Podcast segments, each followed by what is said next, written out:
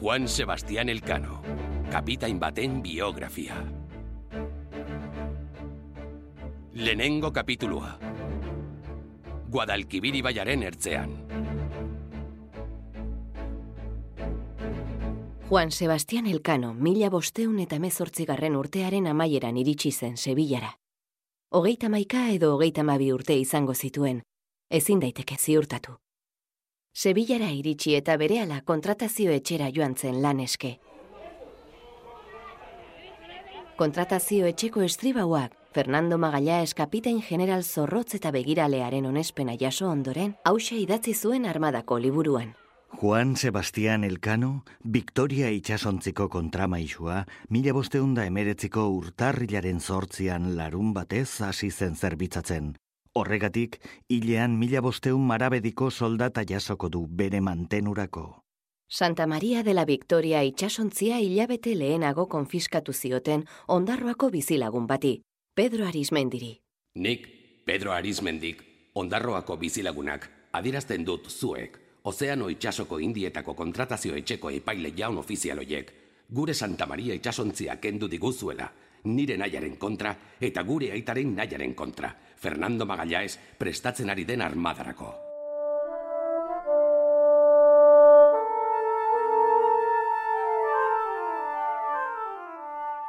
Kontramaixu postuak ez zuen ematen Juan Sebastián Elkanok eskuarki izan ohi zituen zenbait privilegioz gozatzeko eskubidea, ala nola kamarote propioa izatekoa. Izan ere, Elkano bere itsasontziko armadorea eta maixua izana zen, Victoria itsasontziaren tonako purua aixe bikoizten zuen itsasontzi batekoa hain zuzen. Langile talde batek hainbat hobi ireki zituen areatzan ibaian behera.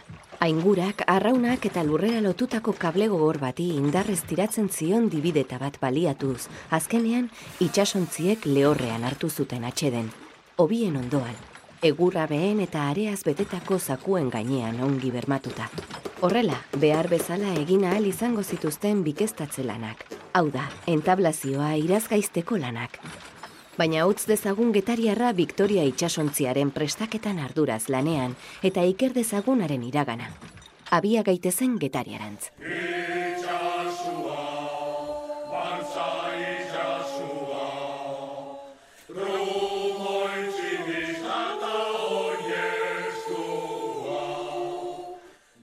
Juan Sebastián Elkano, Getarian, Gipuzkoako kostaldean jaio zen, aurkikuntzen aroaren astapenetan.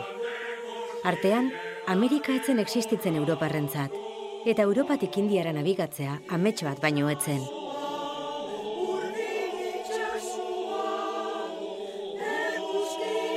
Getarian, irueunda berrogeita mar familia bizi ziren, eta Elkanoren familia aberatxenetako bat zen. Juan Sebastianen aita, itxas negozioetan aritzen zen, Domingo Sebastian zuen izena, eta ama, Katalina portu zen.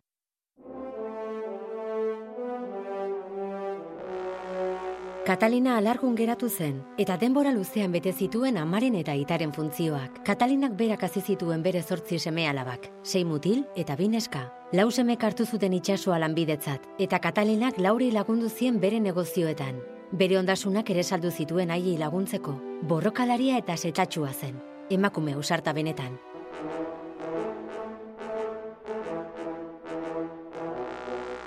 Juan Sebastianek euskaraz bere ama hizkuntzan eta gaztelaniaz hitz egiten zuen eta urtzaroan ikasi zuen idazten, bikain gainera. Antza, latinez ere ongi moldatzen zela ziurta daiteke. Bizkaiko golkoko beste gazte askoren antzera, itxasuan liltzatu zituen begiak, eta nabigatzen ikasteko eskola bakarra zegoen, itxasoa bera. Normalean, beti ikasten ziren itxasmutil moduan, ofizio hartako zereginak egiteko behar beste esperientzia eta indar fisiko zuela egiaztatu ondoren, Juan Sebastian bizitzan aurrera egiten hasi zen. Elkanoren zenbait biografok, alanola Jose Artetxek ondorioztatu zutenez, hogeita bi urte zituela erantzuntzion Fernando Bigarrena katolikoaren deiari, bizkaiko kolkoko beste itxasgizon askorekin batera.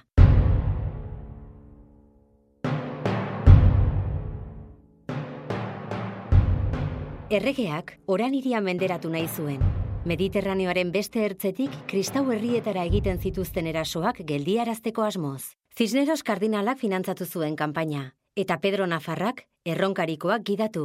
Generalura oso abila zen bai bolbora erabiltzen, bai gizona gobernatzen. Maixu bikaina, artean trebatzen ari zen gaztearentzat. Armadak abiadan zeharkatu zuen Mediterraneo itsasoa eta tropak oran hiriaren ondoan lehorreratu ziren. Hiriak ordu batzu ez baino etzion eutxi erasoari eta garaipenaren ondoren ura arpilatzeari ekin zioten. Garai hartan, garaipen militar ororen ostean, indarkeria eta arpilatzea izaten ziren nagusi, etzen bestela ulertzen. Baina Pedro Nafarra generalak gogor aurpegiratu zien bere gizonei. Gerran ez dela bekaturik dirudi jainkoak zigartuko gaitu. Izurrite beldurgarria iriko arresien barruan agertzen hasi zenean, armadak itzulerako bideari ekin zion. Baina itxaz zabalean zirela, Pedro Nafarrak lakre zitsitako gutuna zalbat ireki zuen, barruan zenbait agindu gordetzen zituena. Fernando Erregeak negua ibizan igarotzeko agintzen zion, izan ere, Afrika konkistatzen jarraitu behartzuten, beraz, haren gizonak etziren luzaroan etxera itzuliko. Laster, Bejaia eta Tripoli hiriak erori ziren, baina denak ez ziren garaipenak izan. Gerbako uartean, logistika akatslarri bat tarteko, gizonek beruak aituta eta egarriak jota, eremu ura korazaz, espataz eta hilotzez estalita utzi zuten. Bi mila lagun baino gehiago hiltziren iesean, eta beste bosteun gizon gatibu hartu zituzten. Porrotaren ondoren, Fernando Erregeak Napolira bidali zuen armada bere familiaren interesak defendatzera. Fernando Erregea hiltzenean botere utxune nabarmena izan zen, eta etzien inor gizonei ordaindu.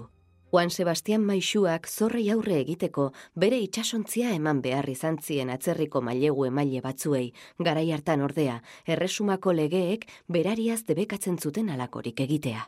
Bertako inork ezin dio itxasontzirik saldu atzerritar bati, ez eta haren zati bat eman ere. Hori egiten duen orok, bere ondasunen erdiak galduko ditu, eta katez lotuta eramango da gortera haren aurkako epaia emandadin. Beraz, Juan Sebastian egoera larrian geratu zen. Ez itxasontzirik, ez dirurik, baina horrezkain, legezkan pozegoen. Sebillara, magaia esen armadan parte hartzera iritsi zenean, soldadu, itxasgizon eta maixu gisa bizi izandako esperientzia gogor eta luzearen arrastoak izango zituen Juan Sebastianek bihotzean. Ziur asko, baita gorputzean ere.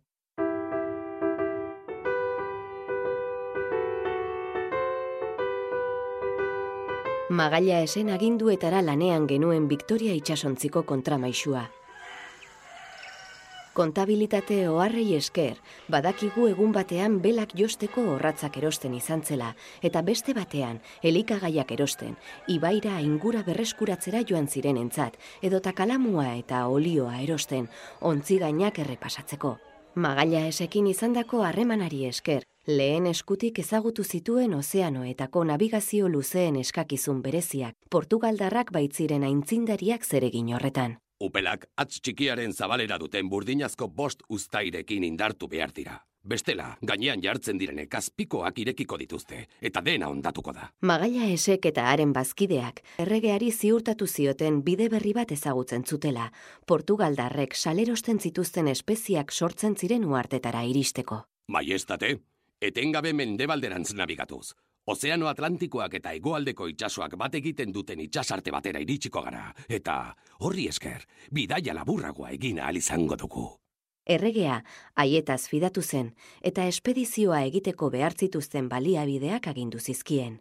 Nik bost itxasontzi prestatuko dizkizuet, jende zelikagaiz eta artilleria zornituak bi urterako. Bikestatzaileek itsasontziaren alboetan oholberriak jarri ondoren gainetik erretzen zituzten, muturrean latorri gori-gori bati eusten zion urkila luze batekin. Beroak zizareak hiltzen zituen, egurraren etxai handiak. Bikestatzailearen arreta handiko lanbidea da. Hain da arreta handikoa, itsasontzi bat bikestatzen ari diren bost ofizialetako bat ona ez bada. Gainerakoen lana alferrikakoa baita. Oholen arteko tarteak banan-banan zigilatu zituzten. Kalamuariak brea ugarirekin sartuz eta gero berunezko xaflak iltzatu zituzten alboetan itsasontziek kalte handienak izaten zituzten zatietan.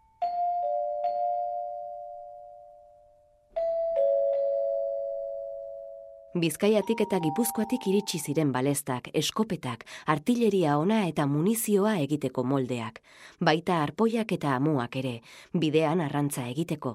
Burdinazko katei lotutako amuak ere eraman zituzten, marrazo handiak arrantzatzeko. Juan Akurio kontramaixua eskarmentu handiko itxas gizon batekin izketan ari zen. Gozea, hotza, egarria, sukarra, nola aztu ditzakegu hainbeste arrisku eta lan, oso osorik, amets bat balira bezala, eta nola itzul gaitezke berrizaren abigatzera. Itxasoan ibiltzen garenok, sufrimendu bikoitzatuko, eta halata guztiz ere itzuli egiten gara, zerbait atsegina balitz bezala. Bien bitartean, Hernando de Bustamante barberua botikan zegoen armadarako botiken eskaera egiten. Apostoluen ukenduaren libra bat behar dut. Izen hori segurtasun handiago saltzeko jarri diozu ez, da ala? Orbaintzeko urrekoloreko ukendua ere behar dut, baita ebakiak isteko ukendu zuria ere. Eta horrez gain, arroa bat argizari. Erdia zuria eta beste erdia horia, izan ere, argizaria erremedio askotarako behar izaten da. Victoria itxasontzia ziztu bizian ari zen itxura aldatzen.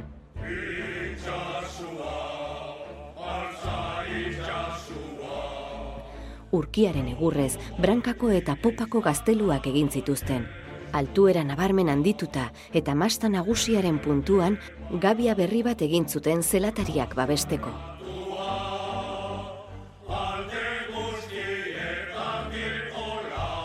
Magaila esek ofizialen postuak bete behar zituen, eta ez zitzaizkio noarkabean joan kontramaisu bizkainoaren manerak. Bai, bizkaino, horrela esaten baitzieten Portugaldarrek euskaldunei. Apirilean, Juan Sebastián Concepción itxasontziko maixu izendatu zuten. Maila igoera garrantzitsua izan zen, ardura handiagoa eta soldata hobea.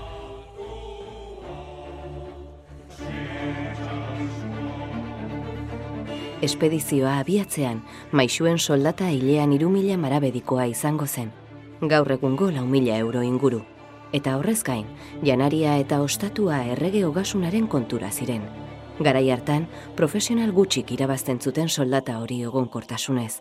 Egiaz, beste lanbidetan ere, etzen ohikoa amek semea laben ondasunak jaraunstea.